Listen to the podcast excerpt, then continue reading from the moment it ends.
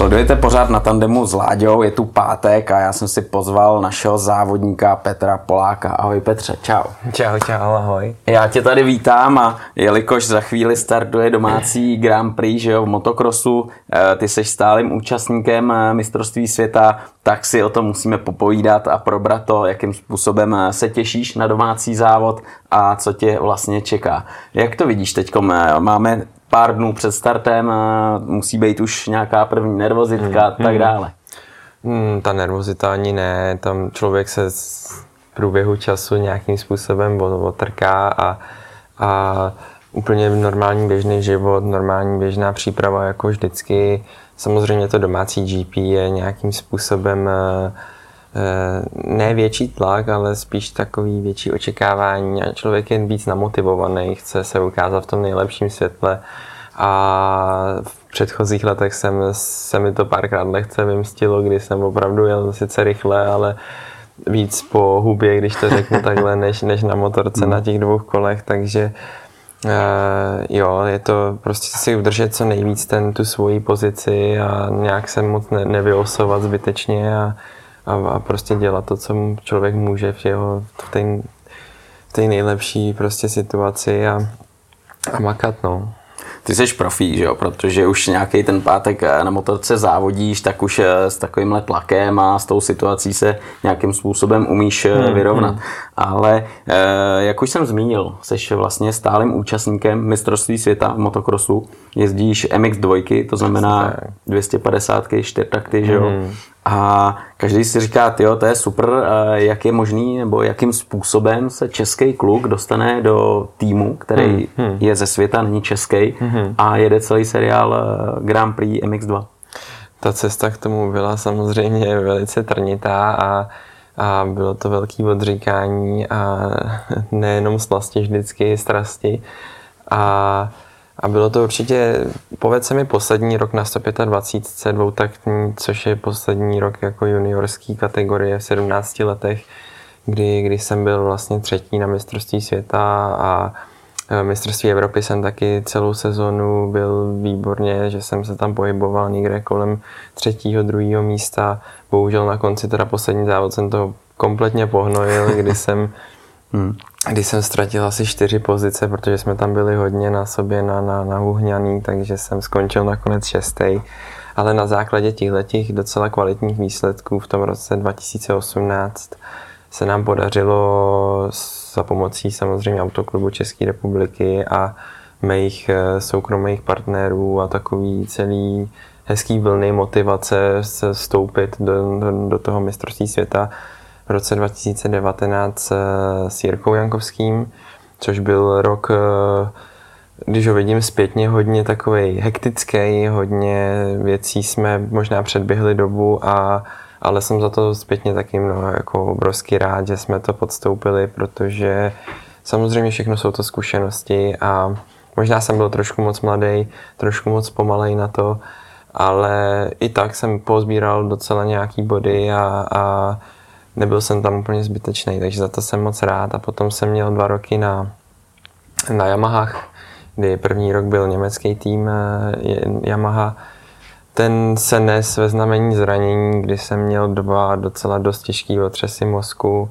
Vlastně na začátku roku přišel covid, takže pak se čtyři měsíce stálo a ten tým se, se dostal do jakýchsi finančních potíží což se v to období stávalo dost často, protože hmm. veškerý partneři couvali ze svých, podmí- ze svých eh, dohodnutých podmínek a, a bylo to hodně složitý období a i pro mě to bylo stresující, protože člověk nevěděl, co bude hmm. a jak mu na tom záleží, tak, je to, tak, tak se snaží dělat, co může. No a pak jsme skočili zpátky po covidu, nebo ne po covidu, ale když se to pomaličku tenkrát začalo rozjíždět v tom dubnu nebo květnu, jak to bylo, tak eh, jsem byl strašně namotivovaný, chtěl jsem všem ukázat, jak, jakou práci jsem udělal, protože v té covidové přestávce jsem všichni si myslím, že jsme se hodně jako zavřeli do sebe, hmm. Poslechli, zpomal, zpomalili jsme, poslechli jsme, co vlastně jakoby chceme a co máme rádi a, a makal jsem na sobě fakt hodně.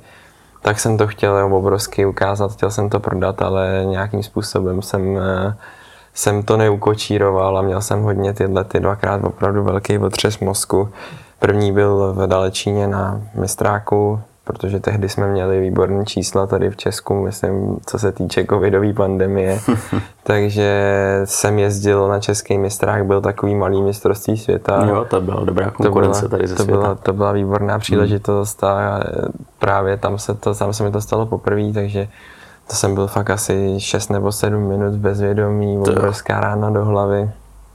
Takže to byla první stopka. Vynechal jsem dokonce i nějaký Grand Prix závody kvůli tomu. Pak jsme, pak byli, to pokračovalo v Itálii Grand Prix a výborný. Cítil jsem se na motorce ten rok dobře, jelo, jelo se dobře, všechno dobrý a e, přišlo to znova zase a ještě i o kousek díl, opravdu jsem byl zase v tom bezvědomí a tehdy jsem už, e, už to nebyla sranda, protože jsem podstoupil nějaké vyšetření a tyhle ty věci a měl jsem dokonce i otok na mozku, takže to, to, to znamenalo nějakou delší pauzu.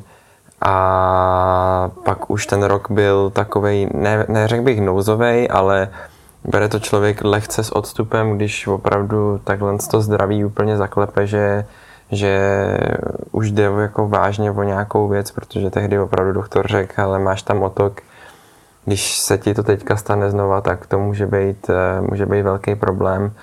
Takže jsem jakoby slevil a světe div se v ten moment to všechno začalo jít jako po másle. Ten závěr té sezóny byl, byl super a povedl se moc pěkně. A potom, eh, takže, takže to byl rok 2020. Potom jsme se, 2021 jsem, jsem zase pokračoval na Yamaze, ale došlo tam k určitému přeskupení jakoby celého toho týmu. V podstatě... A to byl stejný tým, Yamaha, to, no, ale reorganizace komplet. Navenek to vypadalo jako pro lidi si mysleli, že to je v podstatě to stejný, je. ale tým lidí byl úplně jiný, hmm. majitel, všechno bylo jinak. Prostě Aha, úplně, název zůstal, jo? Název byl trošičku pozměněný, hmm. ale už taky upřímně teďka bych musel hodně přemýšlet, abych si vzpomněl, protože to bylo jaký slovíčkaření. Jo, jo. A majitel toho týmu byl Jeff Jansen, což byl 2020, on mi dělal trenéra a tím, jak ten, 2000, ten tým z toho roku 2020 kvůli covidu nějakým způsobem téměř zkrachoval, hmm. tak eh, on, on se rozhodl, že si založí tým do roku 2021 a převezme nějakým způsobem po dohodě s tím bývalým majitelem z toho roku 2020 ty reklamní partnery, co ještě zbyly a nabalí na to nějaký svoje další. A, takže ten si udělal tým na 2021 rok a společně jsme se do toho vydali a bylo to výborné, bylo to všechno suprově naladěné.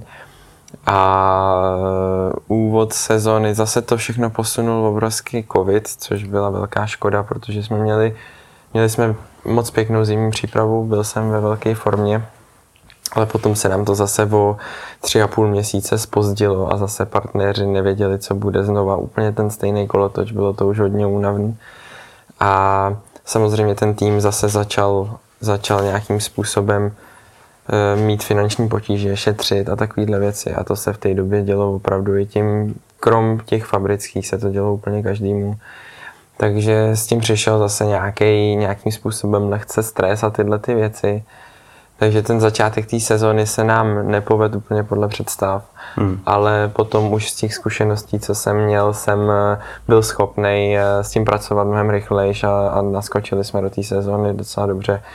Už jsem pak eh, bodoval skoro v každém závodě a dokonce jsem tam měl i, i nejlepší umístění. Myslím si, že za tu dobu jsem byl 13. v rozíčce a, takže ten rok pak už jako doběh docela v pohodě.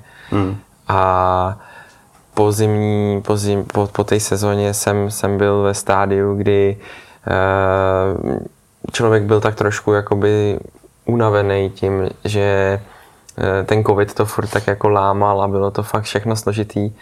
A, a, a dostal jsem se do takové fáze, kdy jsem řekl, musí to být opravdu jako super věc, musí se to všechno sejít a musíme to vědět od začátku, že to bude že to bude něco, co dává smysl. Ne, není úplně dobrý si myslím v, týhle, v tomhle období do něčeho, co je takový jako na houpačce, na houpačce tak, tak. Ne, hmm. tak nebo tak.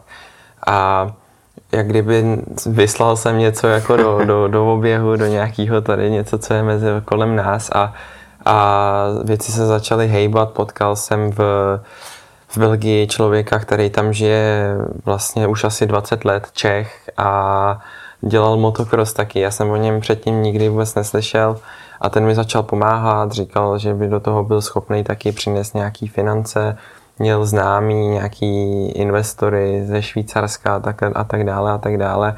A společně s tím autoklubem České republiky jsme začali, jsme začali jednat právě s tím Jackiem Martincem. A, a, a bylo to docela napjatý, musím říct, teda dlouho se nevědělo, kam to dopadne, pak jsem ještě byl, byly tam komunikace s uh, německým, německýma týmama na KTMkách a pak jsem tam měl ještě dokonce i do Itálie na témku, což eh, lidi jsou ohledně toho lehce skeptický a já mhm. musím říct, že já taky jsem byl, protože ta témka je hodně specifická motorka, mm. je mhm. to něco úplně jiného než všechno ostatní. A věci se prostě pohybovaly a já jsem tomu dával volný průběh. Všemu jsem tomu tak nějak věřil, že, že v tom mistrovství světa budu moc skončit a teda pokračovat.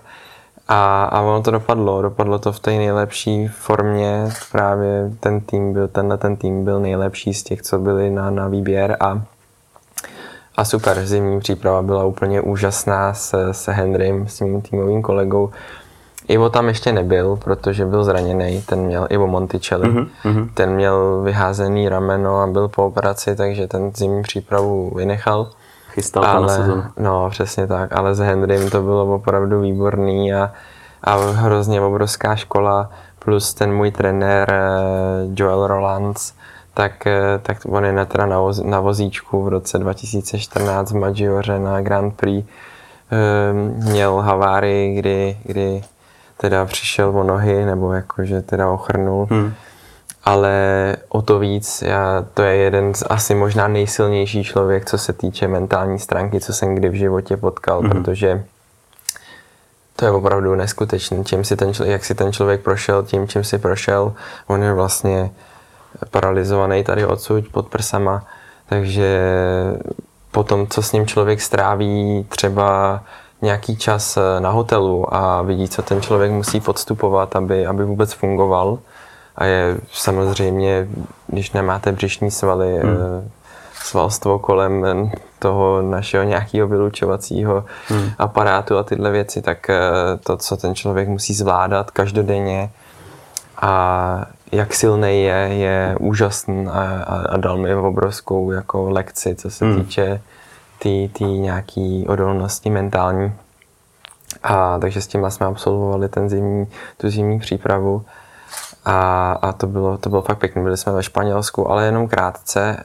Téměř celou zimu jsme se připravili v Belgii v pořádným klasickým zimním belgickým počasí, takže déšť, déšť, déšť. Jasně. Takže to bylo trošku jako když eh, Roky odjel do Ruska trénovat eh, box, to bylo fakt zajímavý. A, a myslím si, že ten začátek té sezóny se docela povedl asi nejlíp za tím, co to šlo a momentálně hmm. povedlo se i vylepšit ten nejlepší výsledek, že, že jsem vlastně teda teďka nejlépe skončil 12. v výjízdě a celkový výsledek taky, že jsem byl, mám pocit 13. ale to asi 13 nebo 14. Takže zatím velká spokojenost a mám radost z toho, že jsem udělal krok velký jezdy jako jezdecky, ale i jako člověk. A co hmm. se týče té hmm. tý hlavy, to, hmm. to bylo opravdu veliký, no, dalo mi to hodně. Hmm. Ty jo, spoustu informací, krásně to shrnul, teďkom utekly dva, tři roky, jak nic.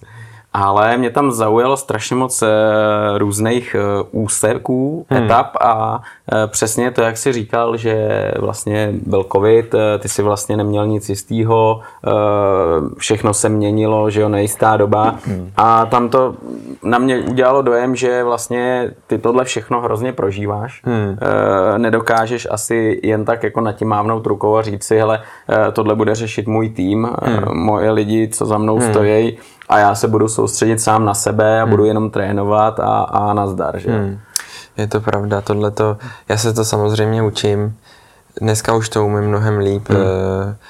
Srovnat si v hlavě to, co můžu ovlivnit, to, co nemůžu ovlivnit. Takže už to snáším opravdu mnohem líp, ale eh, v těch 19, 20, před těma dvouma lety, třemi lety, to bylo opravdu hodně složitý. Jsem měl pocit, že, že všechno, do, že s tím nějak dokážu zahýbat, že všechno, ze všeho jsem se stresoval, ze všeho jsem si, jsem, jsem se jako, měl jsem z toho nějakým způsobem ne strach, ale obavy a, hmm. a nedokázal jsem si uvědomit to, že prostě některé věci můžu něco pro to udělat a zbytek už musí udělat taky někdo z té druhé strany. To je jasný. Takže, takže tohle to určitě potvrzuju, no, že, že jsem v tom hodně zainteresovaný, mám v tom hodně nějakých svých emocí, protože je to pro mě důležitý. A jo, je to cesta, no. Hmm, hmm. Ale ty jsi zmínil dva těžký otřesy mozku, hmm. což jako, to je prda. To je to pravda. Je, no. A jak, jak třeba bylo pro tebe těžký eh, jednak se z toho dostat hmm. po stránce fyzický, že jo, hmm. jako člověk, ale i tý mentální, že jo, hmm, protože hmm. si musíš říct, že OK, byla to prda, ale jsem závodník, jsem sportovec, hmm. Eh, jdu dál. Hmm. Z té stránky mentální musím říct, že že to bylo všechno tak strašně rychlý, oba dva ty otřesy mozku, že jsem neměl ani žádný šok. Mm-hmm. Já si v podstatě nepamatuju celý ten den a neměl jsem žádný bloky, neměl jsem nic, úplně jako vygumováno. Mm. A tím, že jako motokrosař jsem si tím už hodněkrát prošel, ten stav toho otřesu mozku, že mm. člověk si prostě dá do té hlavy a pak, když to všechno přichází k sobě, je to pro někoho, kdo to zažije poprvé v životě, třeba ve 20, si myslím, že to musí být hrozná, hrozně jakoby psychická záležitost a hmm. A myslíš protože, si jako ta rána, nebo to, že jsi bezvědomý, nebo to, to že, že nevíš? Ani, to, ani ta rána, ani to, že je člověk bezvědomý, ale to, když potom přichází k sobě mm-hmm. a neví, jak se jmenuje, neví, kde jo. je, neví, jak se mm. jmenuje jeho rodiče, neví vůbec nic. Mm. A já takhle už nějakým způsobem v kóru té mojí jakoby mysli a mozku když se tohle to stane, tak člověk dokáže zůstat eh, jako v klidu a nepanikařit. Jo. A nechat prostě ty, ty myšlenky úplně rozházený, nechat to běžet a člověk nějakým způsobem ví, že to pomalinku přichází zpátky. Samozřejmě vždycky tam nějaká ta panika je, hlavně po tom dalečíně to bylo, to bylo nepříjemné, protože tam byly takové věci, že, že jsem i dokonce jako měl na nějakou určitou chvíli jako paralýzu nohou a takovéhle věci, že, hmm. jsem, že jsem necítil nohy a takhle. Takže to bylo samozřejmě nepříjemný, ale pořád jsem dokázal na základě nějakých těch zkušeností z toho úplně juniorského závodění, kdy prostě při těch motorsportech si člověk dá do hlavy často, tak už jsem byl schopný z toho těžit a, a brát to trošku líp. A fyzická stránka, po tom prvním v tom dalečíně jsem byl relativně brzo zpátky a možná jsem to i lehce uspěchal, ale naštěstí jsem to zvládnul dobře. A potom druhým, kdy jsem měl ten eh, otok toho mozku, tak to byla vtipná věc, protože mě oteklo nějaký centrum spánku v tom Aha. mozku a já vůbec nepotřeboval spát. To jo, tak to je mazec. Takže já jsem spal třeba 3-4 hodiny denně a mohli bychom se na to zeptat lidí, co se mnou jako žijou kolem mě, že já jsem, já jsem opravdu byl aktivní třeba 20 hodin z toho dne, ale úplně jako na doraz. Aha. Ale musel jsem se samozřejmě zkoušet šetřit, ale, ale to byl tak zvláštní pocit, jak to člověk, a pak si až člověk uvědomí, jak je ten mozek strašně sofistikovaná jo. věc a že to vůbec nikdo neví, co Aha. přesně to dělá. Protože bylo to určitě zajímavý stav. No. Bylo to, jak kdyby jak kdyby, kdybych normálně permanentně místo vody pil kafe, takže jo, to bylo nakopnuté a furt oči. No, úplně no a hmm, to bylo hmm. to je šílený, takže vlastně ten přechod z toho, když to potom teda se zase vrátilo zpátky do normálu, byl úplně normální a neměl jsem naštěstí žádný velký potíže, no. Jo, jo.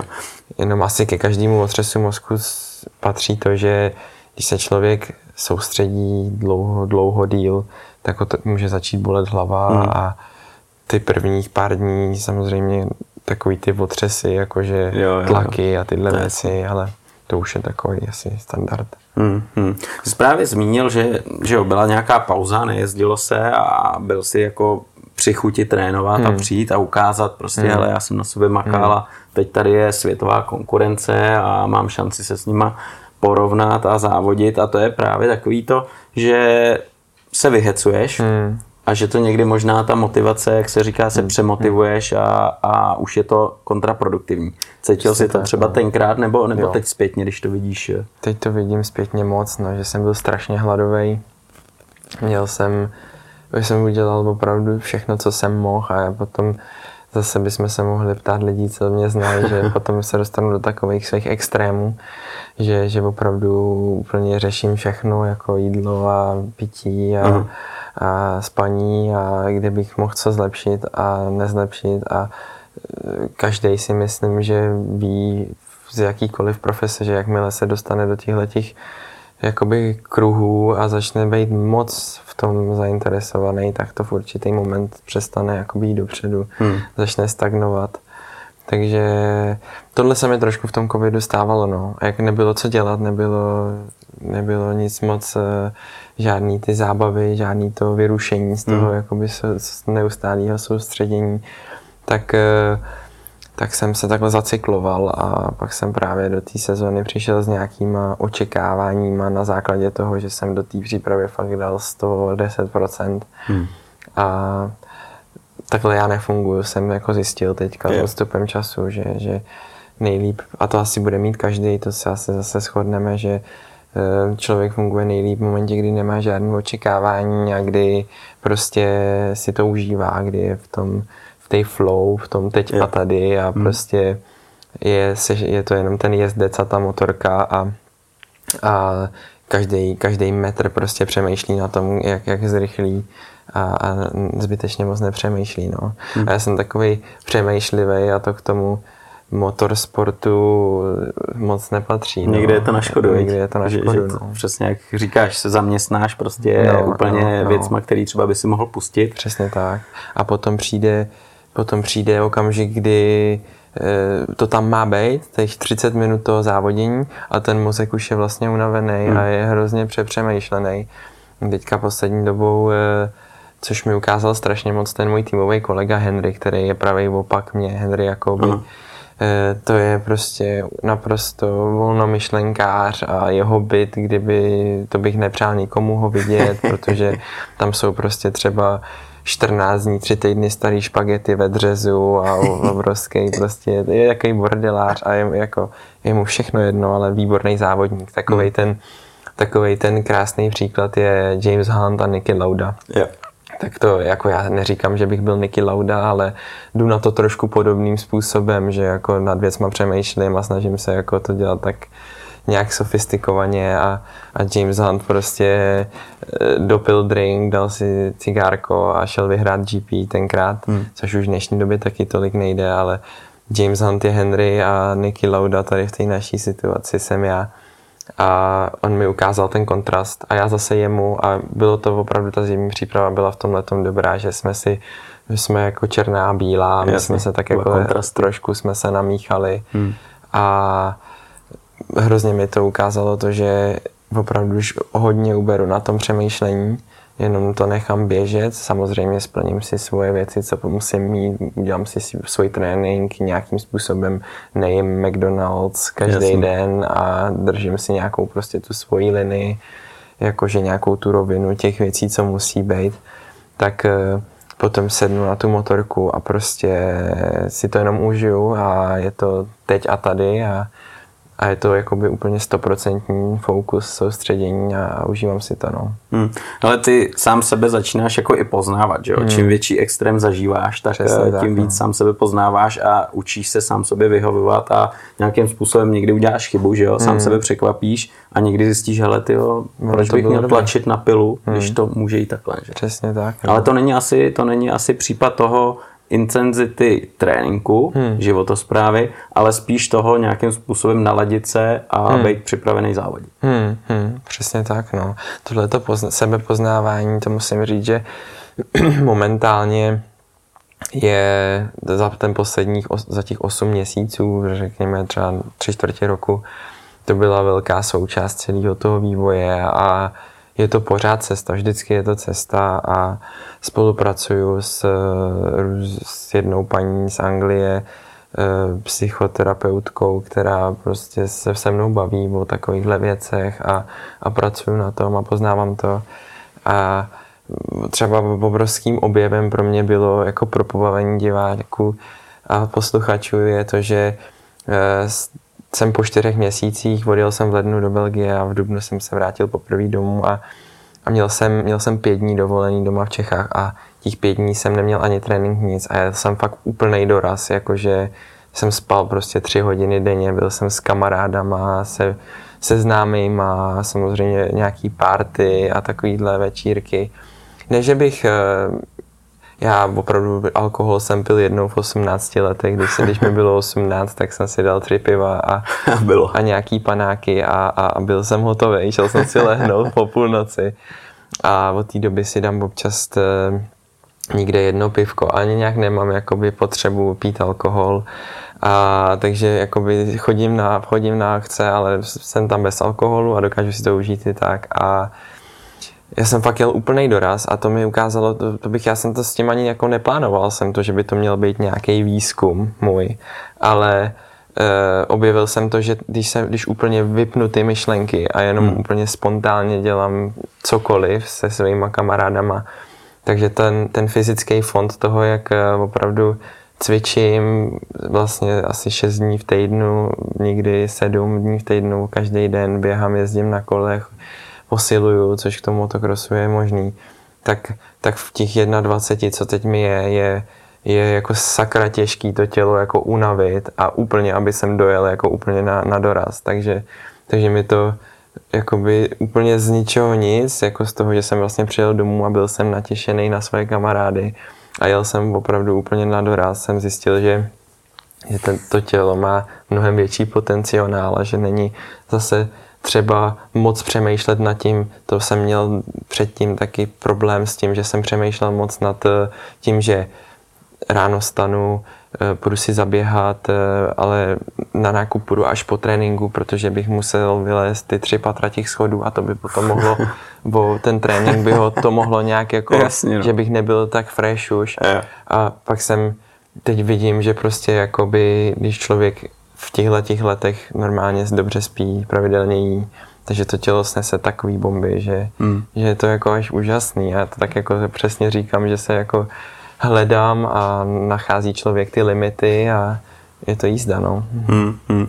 Ale teď si na, načal to téma vlastně kámoši a, hmm. a volno. Uh, jak si nejvíc odpočineš? Je to takhle s kámošema, že hmm. všechno pustí hmm. za tu hlavu, vyprdneš se na motorku a jdeš hmm. s kámošema a prostě už děláš si srandy. A... Je to, je to jako paradoxní, ale pro mě ten velký odpočinek je to, že vlastně přijedu takhle sem domů a já nemám ani minutu čas a, ten, a to není ani moc ten fyzický odpočinek, ale spíš ten mentální, že jako úplně ta, ta hlava je odpojená vlastně na chvíli a hmm. jenom, jenom se dějou věci, jako, jak, jak, jak to přichází a hmm. to je, takže takhle tady trávím ten, ten odpočinek v těch Čechách a je to vždycky teda jízda, no.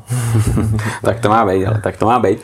Ale přesně teď tady zaznělo, trávím nějaký čas doma hmm. a ty žiješ vlastně jinde, hmm, jo, protože hmm, hmm. to je asi cesta, když jedeš mistrovství světa, tak uh, bejt vlastně v té komunitě s tím hmm. týmem a bejt na nějaký úrovni tréninkový, že jo, i tak. životosprávy. Je to tak, uh, takže většinu toho času letos jsem strávil v Belgii, v Lomelu, což je Belgie, Holandsko, je taková motokrosová velmoc. Vlastně to je Meka, Meka takový, tam je to, je to prostě jak pro uh, hokejisty NHL Amerika a je to uh, takže tam žiju a ono v dnešní době už to úplně tak není, jako to bylo dřív před 10-15 lety opravdu to bylo nastaveno tak, že tam byli úplně všichni v té Belgii a bylo to hodně centrum, ale tím, že teď se opřeme asi o další téma, že jsou hodně tam ekologové a zelení, mm. tak eh, v Belgii bývalo 85 tratí. Teď jsou tam 4. To je masakr. Tohle, tohle je fakt masakr, to už je na hlavu. Jako, to je fakt. úplně šílený a sami ty Belgičani jsou z toho, jsou z toho hodně, mají z toho velký starosti, protože třeba zrovna ten Jackie Martens, tam, kde já žiju, tak to je 50 metrů od trati v Lomelu a ten celý, ten celý jeho areál, ten celý jeho komplex, což je opravdu obrovský, obrovská dílna se vším všude, tam je opravdu úplně všechno, tam je posilovna, sauna, e, pro mechaniky je tam zázemí opravdu jako jedno z těch nejlepších a jsou tam právě i byty pro nás jezdce, kanceláře a tak dále. A v momentě, kdy ty zelené to zavřou úplně, tak to bude všechno naprosto, to vyjde več a on, hmm. to, on už to ani jako co se týče biznisu neprodá za, za cenu, co by potřeboval, no. protože ten barák je, to je opravdu barák v hodnotě přes třeba 2 miliony euro, ale je úplně kompletně na míru postavený motokrosu. A to je, to je takový problém a oni z toho opravdu mají, jako se jim z toho dělají vrázky. A já to věřím, ale tohle je vzít vidle a do toho Bruselu vlítnout a trošku říct, no, jako no. ten svět je trošku jiný, než si vy tady myslíte. Že? No jasný, no. Takže to jsme se opřeli o tu ekologii a žiju teda v Lomelu a sem do Čech jezdím jako na dovolenou, no.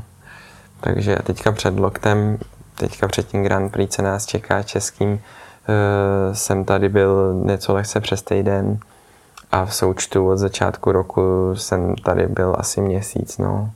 Takže není to úplně tak strašný, nejsem tam úplně pořád, ale, ale hodně času jsem tam strávil. Hmm, hmm.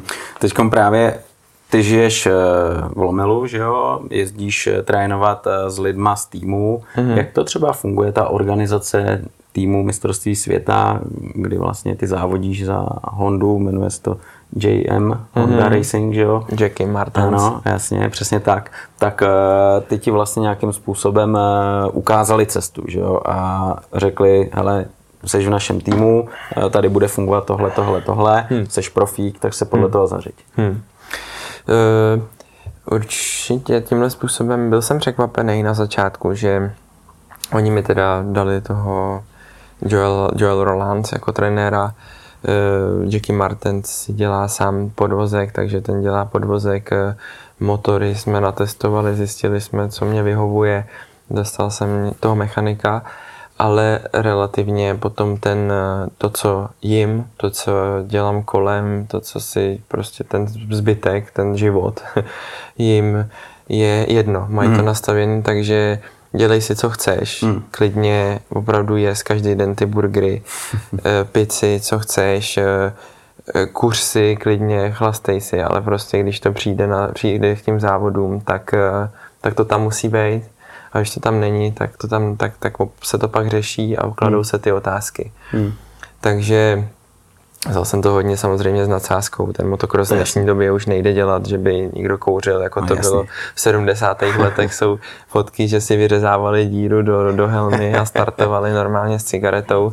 To už teďka samozřejmě e, neexistuje, protože e, už předtím, když jsme se tady bavili ještě bez, e, bez nahrávání, ten motocross je takovej pořád ještě lidi mají nějaký předsudky o něm, ale je to opravdu uh, sport jakože na vysoké úrovni a hodně intenzivní a samozřejmě lidi, co se o to lehce zajímají, ví, ale málo kdo si uvědomuje z té širší veřejnosti to, že my, my jedeme opravdu průměrný tepy 185, 190, hmm. 30 minut plus dvě kola, takže když to občas vyjde špatně, tak ke 40 minutám, což je obrovská dávka jako fyzické náročnosti. A ta speciali, to, to, co je na tom motocrossu speciální, je, že to není ani sprint, ani vytrvalost, že to je, my se vlastně usilujeme o to 40 minut sprintovat, což eh, žádná jiná disciplína moc nemá. Hmm. A je to, je to hodně intenzivní. Já mám třeba rekord tepové frekvence 213. To je masakr. Což to je masakr. Což teda už si potom jsem projel cílem a probudil jsem se až na kapačkách teda, ale yeah. jenom pro některý lidi si opravdu myslí, že, že to je... Se vozíš na motorce. Že se vozíš na motorce, mm. že jenom přidáváš plyn. Mm. Filip Salač tady, myslím, byl už taky na rozhovoru a ten, Jasně.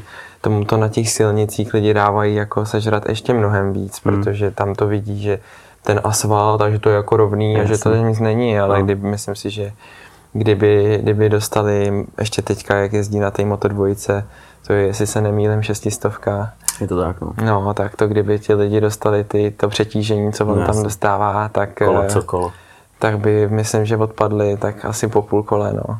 Ale to je klasika s motokrosovou motorkou, já no. se s tím setkával moc krát, vždycky kluci, ale když tam vozíte a to, pak řekneš, jo, ale tak se přijď svíst, teď jen půjčíš tu motorku, nehledě na to, že trať každým kolem vypadá úplně jinak, že no, jo? protože to je, to je masakr a se svezou a, a říkali, hele, já měl dva dny svalovou horečku a podobně, jo. Takže, takže on tohle je masakr.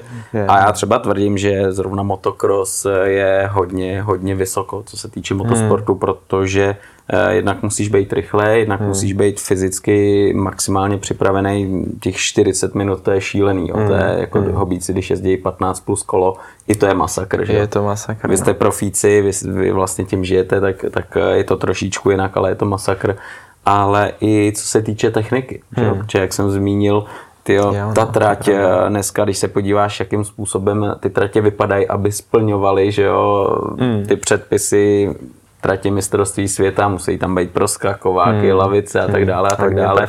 Tak to, to je jedna věc. Druhá věc je, že vás tam startuje třeba 30 hmm. a teď projedete jedno kolo a ta trať je úplně jiná a když projedete třeba 10 kol, tak to je jako 300 průjezdů motorek, že? A to no. si lidi neuvědomují, co se s tou tratí děje. To je pravda. A teď jsou různé povrchy. A různé povrchy, písek, hlína, tak. ten písek je hodně specifický. Hmm.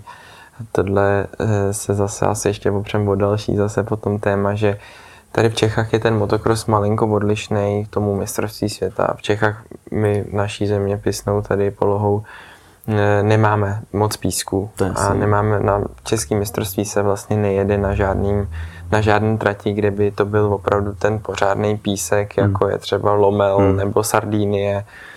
A e, takže český mistrák, nechci říct, že je jiná disciplína, ale je to t- jiný druh motokrosu, stejně tak jako se liší mistrovství světa a mistrovství Ameriky. Hmm. Si, Američani si to jedou trošku na svoje triko a mají tam tu svoji amu tak eh, jsou to jakoby dva různé způsoby závodění a je to, je to, je to, je to opravdu zajímavý. No. A konkrétně ta Sardinie letos byla hodně extrémní.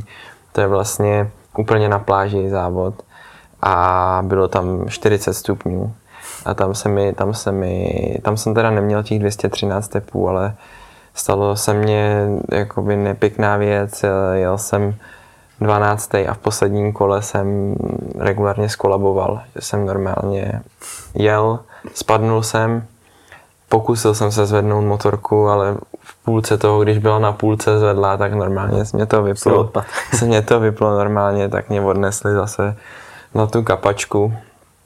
A, a je to extrém. A ta, ta, ty tratě se opravdu vyvíjí úplně jakoby enormně moc. Hmm. No. Hmm. Tady v Čechách eh, relativně ne až tak, protože se tady méně vorá, eh, ty tratě jsou rovnější, takže docela dost často se stane, že prostě člověk si najde tu ideální stopu, najde si to, to kde se mu jede nejlíp a dokáže také z 30 minut, ale v tom světě je to každý kolo musí člověk přemýšlet eh, zatáčku dopředu a asi tak, jako co tam může být.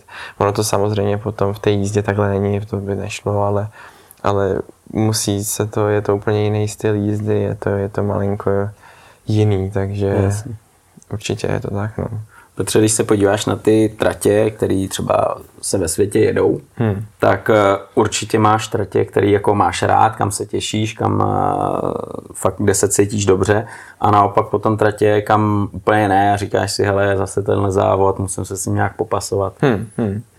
Já tím, že ten motocross mám fakt rád, tak eh, a myslím si, že tohle to je hlavně o tom, jak se to člověk nastaví v hlavě. Takže Jasně. samozřejmě jsou tam tratě, který, kde má člověk nějaký předsudky, nebo se, se mu tam ne, nedařilo v minulosti, nebo se mu tam nechce.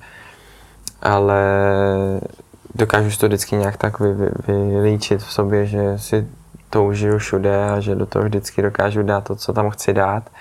A trať, která se mi líbí. Líbí se mi moc v Portugalsku. Ageda, Ageda, Ageda.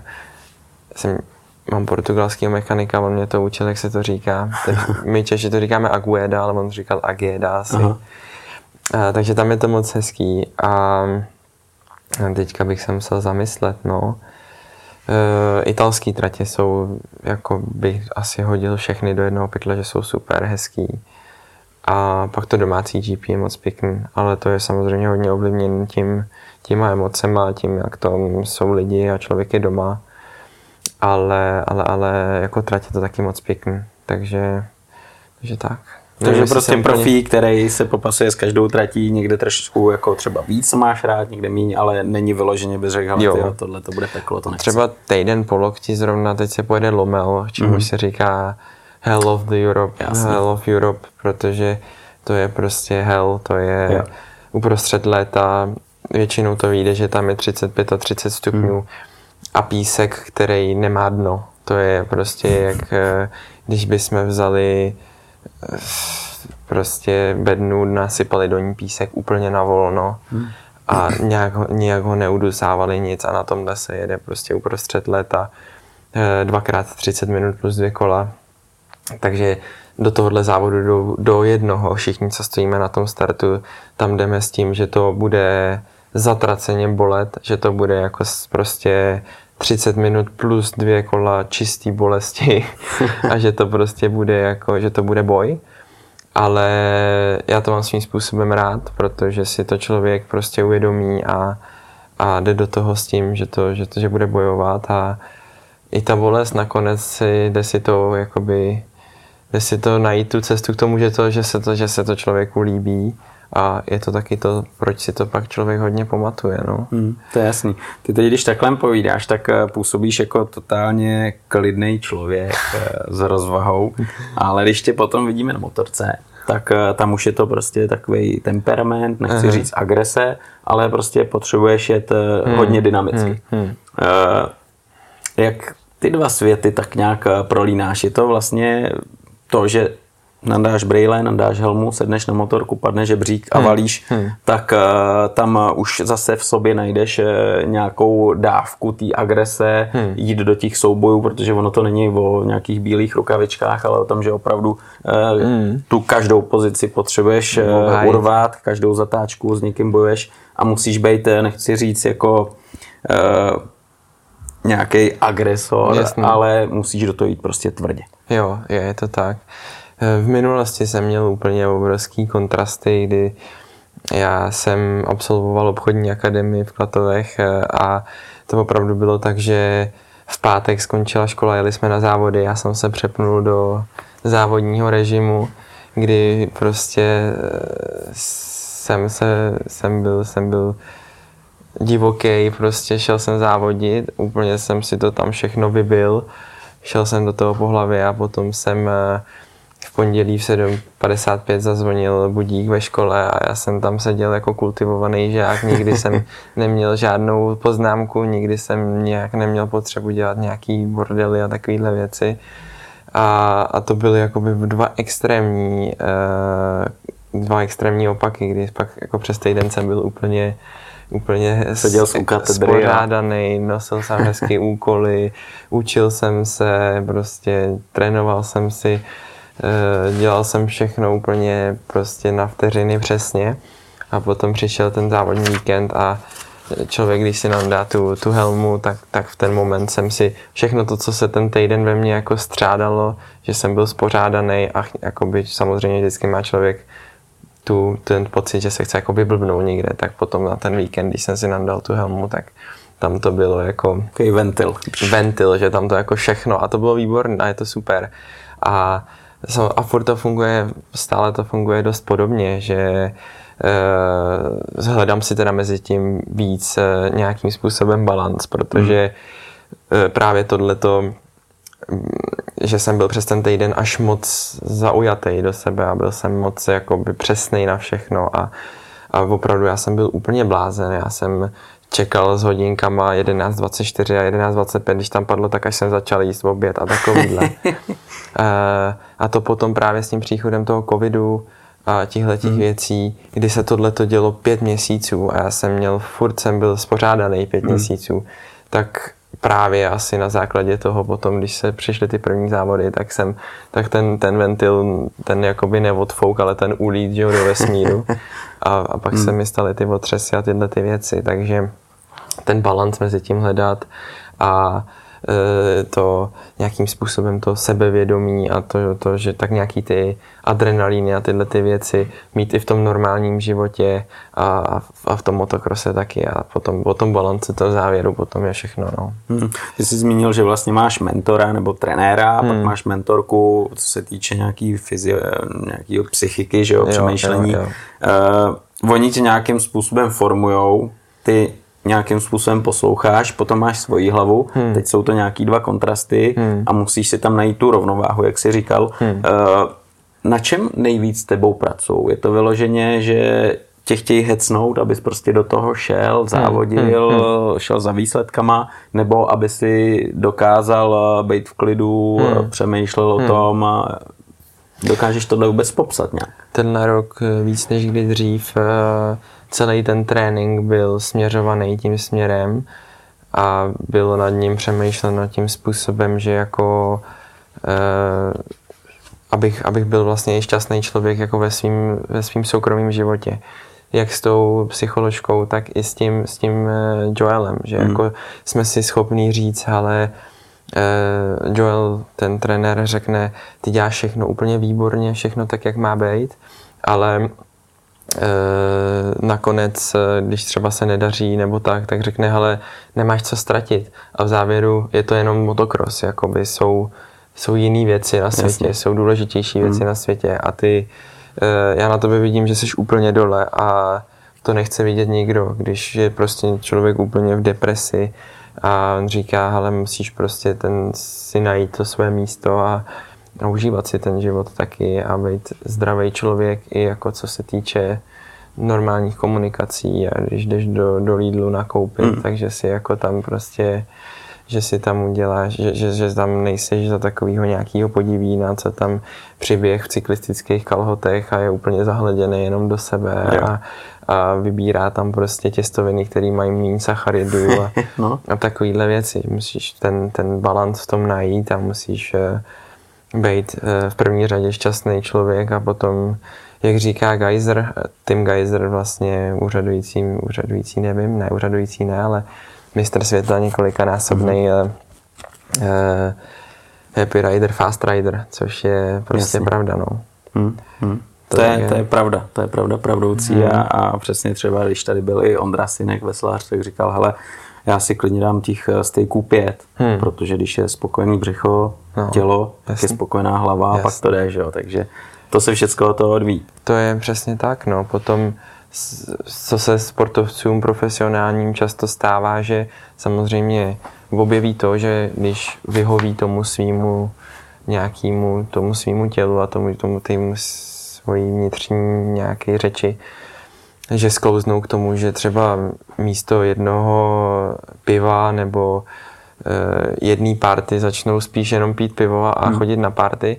A to je samozřejmě pak problém, Jasně. ale uh, takový to úplně odpírání si nějaký té úplné přírodnosti, co má člověk jako dáno od Jasně. nějakých svých předků a tyhle věci, to prostě nefunguje. No. Hmm. Teďka to můžeme vidět taky krásně na příkladu Kena Roxena, Němce v Americe závodícího, který eh, je už asi čtyři roky v HRC Hondě, fabrické Hondě. A ta Honda je známá tím, že oni jsou úplně, ty Japonci jsou takový high-tech a na všechno jdou prostě raketovou vědou. A on se dostal do úplného stádia vyhoření, kdy prostě on naprosto neposlouchal sám sebe, mně přišlo a i to tak vypadalo zvenku a všechno řešili prostě přes grafy a přes uh, obrovský výzkumy a teďka Kenny si nechal zpátky narůst prostě svoje, svýho muleta typického, nabarvil si ho na červeno a po každém závodě dobrým prostě napíše veřejně lidem, že si dá pořádně tlustý steak a k tomu jedno student pivo za odměnu a závodí zase jako fík, jako za mlada, když udělal nejvíc svých výsledků, když hmm. nad tím nepřemýšlel a dělal jenom to, co ho baví a dělal to přímo čaře. Hmm. Takže to je... Jo, někdy ten selský rozum tam musí být hmm. a musíš si to prostě poslechnout, to, to, to co tak, chceš no. a co chceš ty. A... Ale tak. to je přesně, to je přesně ono, ale Eh, pořád jsi eh, závodník, který, eh, nechci říct, jede na stopky, no. ale jede od toho, kdy spadne žebřík, než hmm. ti tam mávne šachovnicový prapor, a nejdůležitější na tom všem jsou ve finále výsledky. No jasně. A ty máš nějaké očekávání, ty máš nějaké cíle a vlastně i do toho týmu, kde seš, ať je to jakýkoliv, ať je to v juniorském věku, hmm. teď v seniorském, když to tak řeknu, hmm. tak eh, stejně vždycky se to odvíjí od toho, že máš výsledky, je tam nějaké očekávání a musíš splnit eh, nějaké výsledky. Tak, tak eh, ty určitě si s nějaký svoje cíle, očekávání dál a ten tým od tebe něco očekává. Jak to třeba máš nastavený? Hmm, hmm. Já v minulosti jsem vždycky říkal, že si, že radši nebudu dělat, ne, ne, ne radši, ale že ne, nenastavuju si žádné očekávání, ale že chci vždycky v sám sobě po tom závodě vědět, že to tam bylo všechno, že jsem do toho dal všechno a to je ten můj cíl, že, že neměříme výsledky na, na to, co je napsáno na papíře pro, po projetí cílovou čarou, ale na to, že se jako konzistentně zlepšuju a že to má nějaký směr, což je asi nějaký kor toho mýho nastavení, eh, co se týče nějakých těch eh, mých, jak bych to nazval, toho, jak bych chtěl závodit. Ale samozřejmě letos stěžení nebo stěžení, řekli by, jsme si, že bychom chtěli se podívat do top 10 v těch MX2, což si myslím, že je možný, že jsme udělali kus práce, krok a teďka jenom to chce opravdu to hezky srovnat v hlavě, jít si to užít, jak už jsme se o tom bavili a těch 32 x 30 minut plus dvě kola tam prostě dát a být v tom daném momentě a dělat to všechno správně, tak jak se má, jet technicky dobře a, a užít si to. Hmm. Dát tam, nechat tam všechno, v ten moment to je možný. No. Hmm. Takže nějakým způsobem, když bychom to schrnuli, cíl je top 10 a uvidíme, jak se to povede. Hmm. Petře, ono vlastně teď lidi, co na to budou koukat, tak by chtěli slyšet, eh, já jedu vyhrát eh, titul mistra světa. Hmm. Každý, kdo závodí, kdo tomu obětuje, když to takhle řeknu, svůj život, hmm. té profesionální kariéře motokrosího závodníka, tak eh, chce být mistr světa. Jasně. Je to tak? Je to tak. Tak tohle jsem si řekl, ve 12 letech jsme začali ten motocross dělat nějak víc pořádně. Jezdím, když už jsme teda u toho, tak jezdím od 4,5, hmm. takže prostě mě na to posadili hned, jak jsem nějakým způsobem začal vnímat a chodit. e, bratr jezdil předtím taky, takže jsme taková motorodina a a jenom se zeptám, měli jste už jako v rodině, že třeba generace táta, děda? Ne, ne, ne, ne, brácha byl první. Brácha byl první. Táta měl vždycky blízko k motorsportu hodně, hmm. ten jezdil eh, rally crossy a měl taky motorky a takovéhle věci, ale byl jenom jako hobby vždycky. Jasně. Protože měl to rád, prostě nepodporovala ho v tom rodina hmm. Hmm. a on jenom měl rád všechno, co má motor, prostě auta taky a eh, driftování a takovéhle věci, prostě hrál si se vším, co šlo a a byl taky jako extrémně šílený, když byl mladý. No a potom, když jsme se mu narodili, tak, tak si jako asi svým způsobem asi splnil trošku nějaký sen hmm. a posadil nás na ty motorky a jsem mu za to vděčný, bylo to super. Teď jsem zapomněl, co byla ta úplně korová otázka. No právě být tím mistrem světa, že jo? Být jo, tím nejlepším, tím. protože vyloženě já nevěřím tomu, že ty jdeš za tím, že budeš dojíždět uh, třeba top 15. No, jasný, jo? Ty, ty jasný. prostě si to přece musíš nastavit tak, uh, jedu svět, dostal no. jsem se takhle, tu příležitost tolik lidí nedostalo, hmm. stojí za mnou sponzoři, stojí to spoustu peněz, když to tak řekneš, a já chci být mistr světa. Hmm, určitě, tak ve 12 letech jsme se do toho pustili hmm. nějak víc, že jsme začali jezdit pravidelněji a nějaký trošku jako taky ten cíl se nastavil. No a tehdy samozřejmě jsem si to řekl, no, že chci být cílem, tím úplně jakoby vzadu v hlavě, ten proč hmm. taká ta základní motivace je být mistr světa samozřejmě. Hmm. Jezdit tam na pódiu a být součástí celého hmm. toho jednoho toho cirkusu, toho, že prostě tý, ta tvář toho a to je, to je ten úplně korovej, korovej eh, cíl, který si myslím, že na téhle úrovni, ale i na úrovni třeba toho českého mistráku má 90% lidí, že to hmm, prostě... To musíš. To prostě chtě, musíš, chce mít takhle, že chce být nejlepší hmm. na světě. No. Hmm. Pro mě třeba takovým jako člověkem, který tohle dokázal a kterýho si strašně vážím právě, jak hmm. zmínil, Tim Geiser. Hmm, no. Ten jeho příběh, to, co on dokáže, to, co on umí a když třeba jsem měl možnost se s ním potkat na testování Hondy, hmm tak uh, to bylo vzácného vidět, mm. že on nepromarnil jedinou chvíli, kdy mm. mohl třeba sedět na motorce, trénovat i mezi tím, když se musel věnovat novinářům a podobně. Mm. A to, že je mistr světa, není náhoda, že jo? protože není, tam ta touha vyhrát a, a být tím je obrovská. No. A ukáže to i tu skutečnost, že vlastně nepotřebuješ mít jenom italský pás nebo španělský pás, že můžeš být člověkem z těch východních bloků a může přesně být nejlepší. Tak, přesně tak.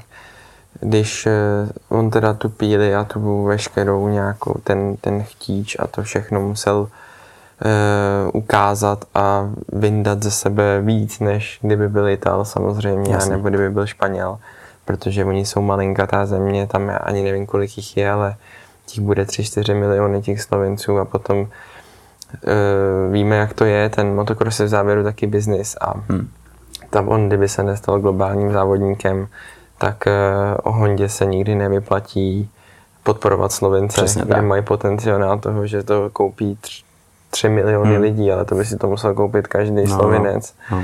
Takže tam, když bychom se bavili o tom, o majitelích licence no, motocrossový, tak to bude úplně minimum, že jo. A takže on musel vyvinout obrovskou, obrovskou píli a on jí má a je to, že jo, proto, proto ty lidi mají rádi protože tohle to dokázal a je výjimečný tím, jak se chová, protože je, je střícný, je vděčný a za všechno, co v životě potkává. A konec konců on to takhle se projevuje i na těch sociálních sítích. Hmm. On je silně věřící člověk, takže e, má to propojený s tou vírou nějakou, s tím křesťanstvím a těma věcma, ale mi začal mít telefon.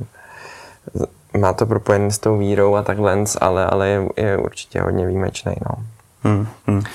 Tam právě, když se podíváš na ten trénink, tak eh, i jeho cesta je taková, že už v tom Slovinsku jako tolik není, že jo, a že, že je po světě, trénuje hmm. a hmm. musí být pořád eh, v nějakém kontaktu s tou největší konkurencí. Ty to máš stejně a víceméně ta konkurence a to, že jedeš mistrovství světa, tak je to trošku jiná úroveň, hmm. tak tě žene, že jo? Přesně tak, no. Tady to se děje často v Čechách, že e, ten závodník, když se dostane na ten vrchol, tak e, je docela nejednoduchý, ale když se to jako zkrátka jednou naučí, dostane se na nějakou úroveň, tak e, už se stačí na ní hodně udržovat a vydrží dlouho na, na té špici než to v tom mistrovství světa, jak je to prostě o level dál, tak eh, v momentě, kdy zůstane závodník eh, stejně rychle jako sezonu předtím, tak je vlastně pomalejší. Hmm. A je to obrovská motivace, no. Ještě zpátky k tomu Timovi Geiseru, ten je, je právě, jak jsem mluvil o tom, že ta Belgie a Lomel když si býval úplný centrum, tak ten tým to taky začíná lehce vyvracet, protože ten si postavil své vlastní centrum, tréninkový centrum na hranicích eh, Slovenska s Chorvatskem a, a žije normálně doma. Takže už se to pomalinku začíná zase jakoby vracet do těch úplně oldschoolových eh, kolejí, kdy prostě všichni žili tam, kde se narodili mm-hmm.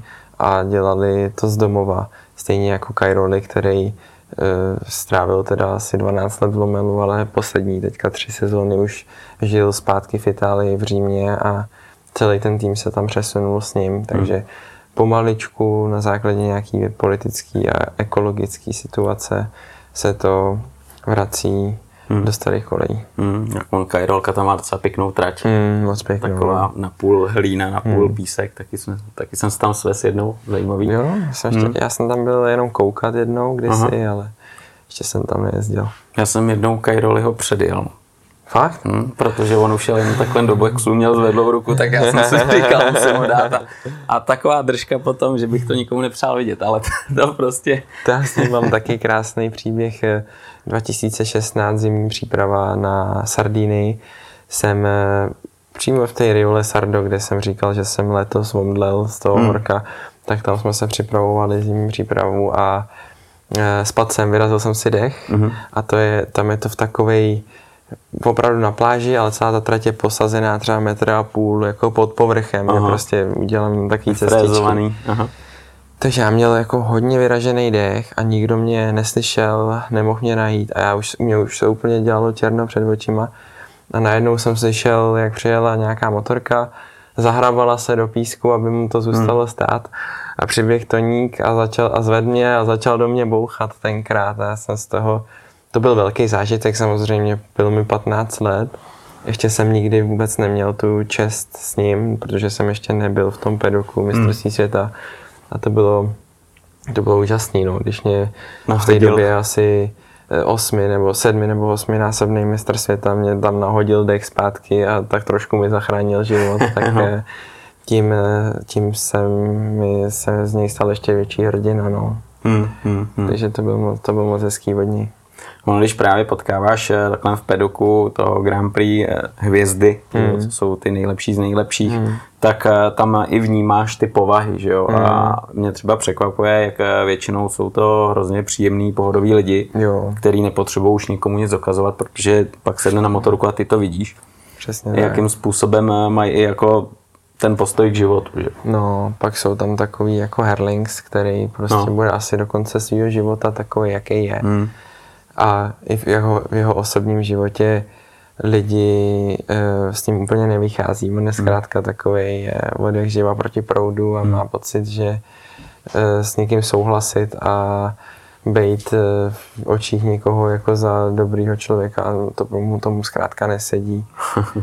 Trošku mi to připomíná, jako byl třeba Jorge Lorenzo v uh, MotoGP. Mm-hmm. Když, a takovýhle lidi, prostě všude to tak je, ale ta většina, jako třeba Feber a ten Geyser Prado je taky hrozně fajn kluk, mm, který aha. normálně pozdraví a jsou to, jsou to prostě profesionální sportovci, který, který dělají svoji práci jak nejlíp umí. Hmm, hmm, hmm. Tady jako můžeme narazit i na to téma, jaká jste tam vlastně parta, že jo? Hmm. protože ty s těma lidma se výdáš, hmm.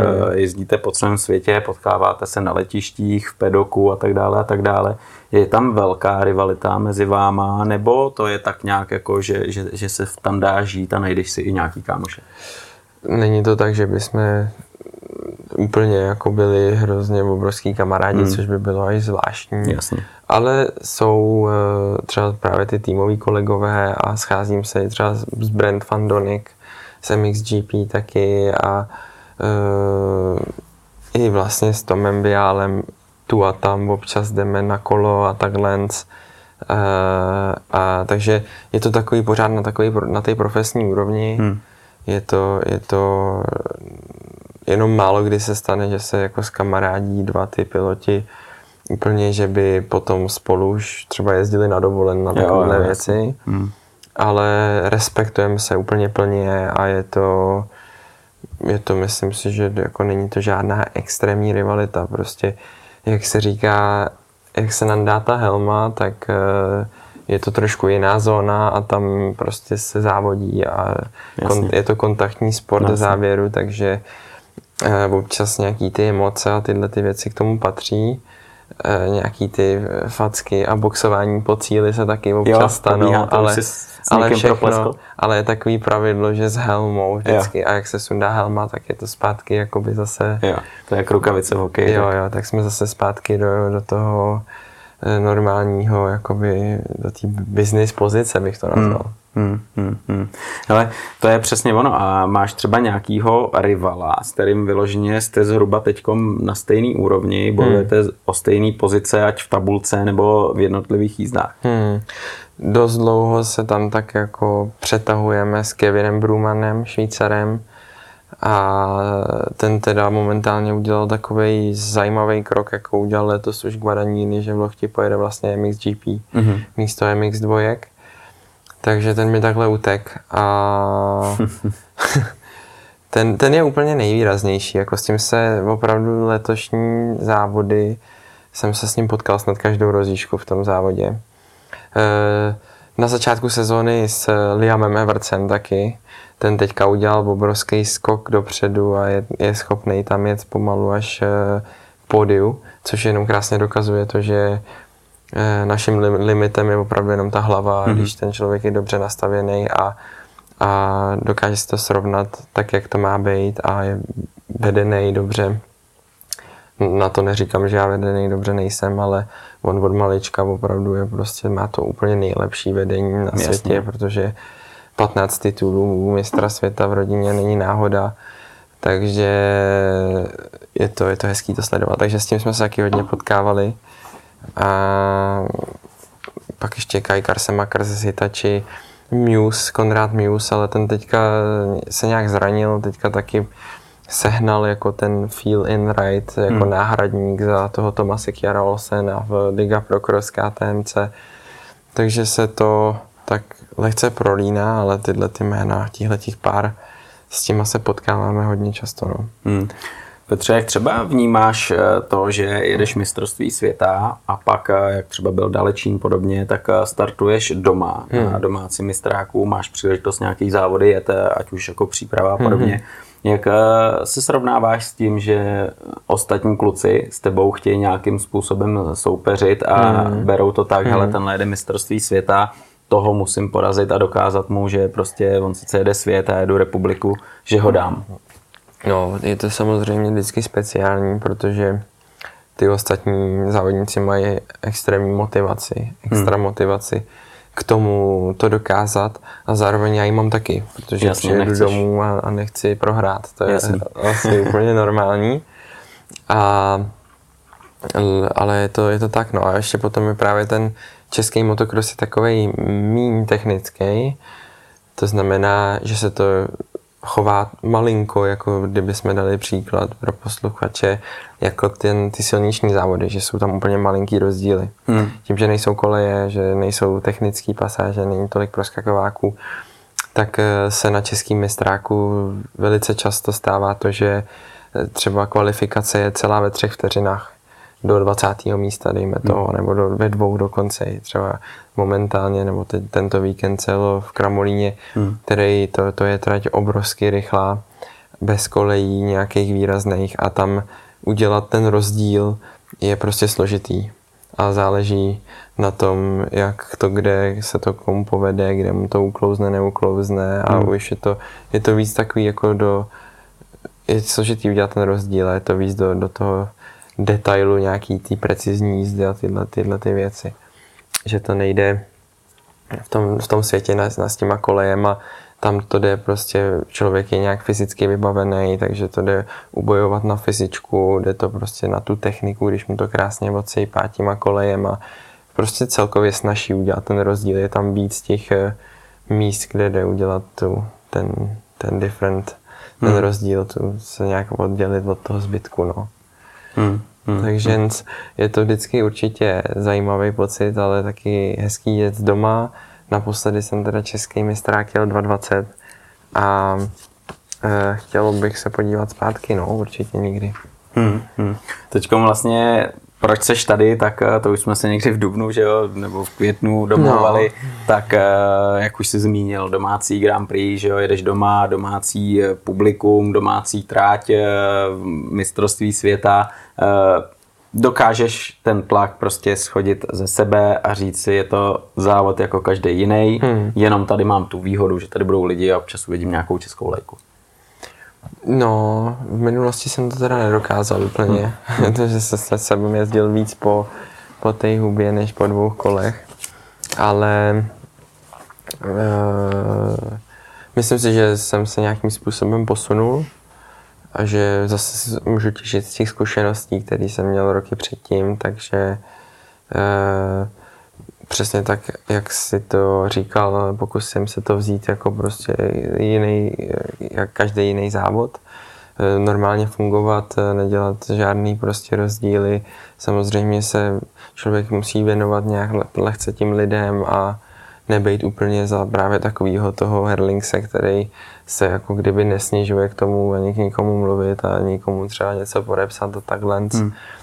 Ale myslím si, že asi ve všem je e, základ k úspěchu zůstat jakoby přirozený a tak, jak to člověk cítí. No. Hmm, hmm. Na co se třeba do toho lokte nejvíc těšíš a co je trošku takový, jako že by to tam úplně nemuselo být? Jako co se týč, týče té tý tratě? Komplet celého. Komplet, komplet jako toho víkendu, ať je to život v pedoku, život jo, na trati. Jo, jo. Já jsem v Lochti pár závodů, pár roků jsem spal na trati tam a teď už jezdit, jsem začal jezdit do baru, do hotelu, protože mm Loket je profláknutý tím, že je tam jako velká akce, Jasně. party, hmm. večerní a ohňostroj a tyhle ty věci, takže se tam, co se týče závodníků, malinko hůř spí, takže to asi bych jakoby vyzdvih, ale já zase na druhou stranu to úplně chápu, protože všichni Jasně. mý kamarádi a všichni lidi, co tam jezdí, tak tam jezdí za motokrosem, ale taky za tou party samozřejmě. Takže to je jedna z věcí, která je jiná od těch eh, GP ostatních protože jediný, kdo dělá ještě akci, jakože party na, při GP, jsou Němci v Tojčentálu. Mm, a nikdo jiný to moc se to nějak jakoby nedělá. A jinak tam je asi, mám všechno rád, není tam nic, eh, nic špatného vyloženě, hmm. že, bych, že bych se na to netěšil. Hmm. Jak třeba při tom mistrovství světa vypadá ten víkend od eh, soboty, kdy začnou hmm. tréninky? Hmm. Uh, tak uh, sobota ráno jedeme v, v, v, v 10.50, jedeme, ne v 10.15, teď, teď jsem se, přece jenom jsme pět týdnů nezávodili teďka už. Byly prázdniny. No, byly malé prázdniny, takže jedeme nikdy po ránu. První trénink, který je úplně volný. Uh, potom máme kvalifikaci o postavení na start do kvalifikačního závodu, což může z, z, jakoby znít složitě, ale vůbec to tak není. Je to A to prostě, je na stopky, jo? To je na stopky, hmm. ne na to, kdo zajde nejrychlejší Jasně. čas. A podle toho, jak tohle to dopadne, teda pořadí, tak se stavíme na start do toho kvalifikačního závodu. A to je normálně závod na 20 minut plus dvě kola, ve kterým, ve kterým jde o to, jak budeme si vybírat to místo na tom startu v těch nedělních finálových jízdách. A Tenhle ten závod se mi výjimečně povedl letos ve Francii, jsem byl osmý, což bylo, zatím, to bylo zatím nejlepší umístění, co se kdy povedlo. Bylo to teda na hodně těžkých podmínkách, ale i tak jsem, jsem tam jakoby dobře dobojoval a, a, a jel jsem i dobře. A takže potom pokračujeme. Pak to je pro sobotu všechno.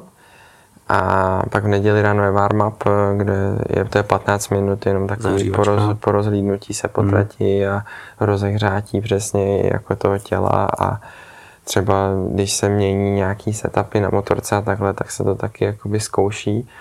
A pak jsou dvě finálové jízdy po obědě 30 minut plus dvě kola. E- který jsou už normálně klasický závod. No. Hmm. Jak třeba tu neděli závodní funguješ, co se týče stravy a přípravy, protože dost často lidi eh, se diví, že dojedeš závod, sedneš hmm. na rotoped a ještě hmm, šlapeš. Hmm, hmm. Určitě je to, ten rotoped si trefil výborně, takže se rošlapu před každým vyjetím na trať si dám 5-10 minut eh, takový rozproudění lehce, aby v zimě člověku nebyla zima. Hmm. V létě zase to tělo, když se tak jako lehce připotí, tak se pak samozřejmě začne líp chladit a hmm. to už jsou takové nějaké ty otázky toho z, eh, úplně z té sportovní strany. A potom jdu na ten, na ten trénink, jdu jezdit, jdu na tu trať, kde jsou nějaké taky strategie a nějak to probíhá v nějakém duchu. A potom eh, normálně teda projedu cílem, sjedu do toho týmu, tam jim předám tu motorku. Když je to čerství, tak se baví o tom, jestli je něco třeba změnit nebo něco třeba špatně, musí se na tom dělat. A potom jdu rovnou e, zase zpátky k tomu kolu, kde si dám takový e, cool down šlapání.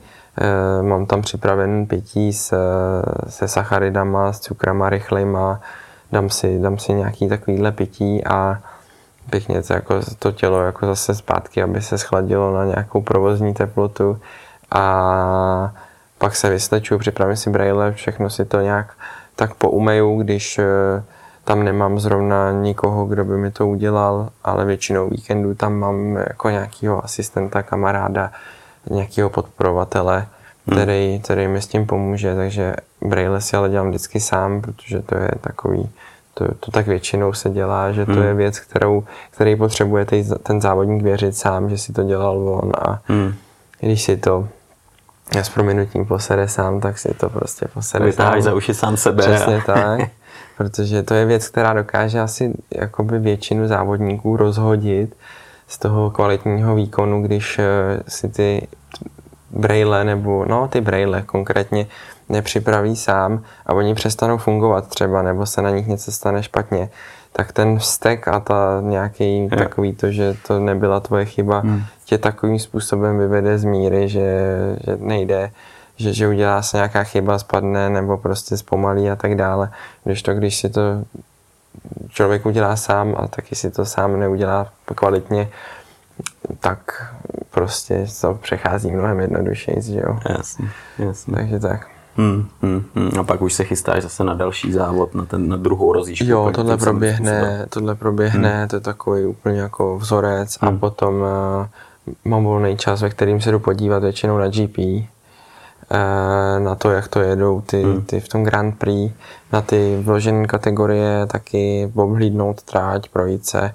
Pak taky tohle to většinou udělám a pak třeba se snažím mít půl hodiny, 20 minut, i 15 minut stačí jakoby úplně klid, jenom si nekoukat do telefonu, hmm. nedělat žádné tyhle ty věci, třeba si něco pustit do sluchátek, ale to mě nedělám úplně často. Hmm. Spíš jako úplně jenom si nastavit budíka, abych věděl, kdy se mám začít oblíkat zase zpátky a úplně jako jenom vnímat ten moment, to, hmm. tu danou situaci a být jakoby přítomnej.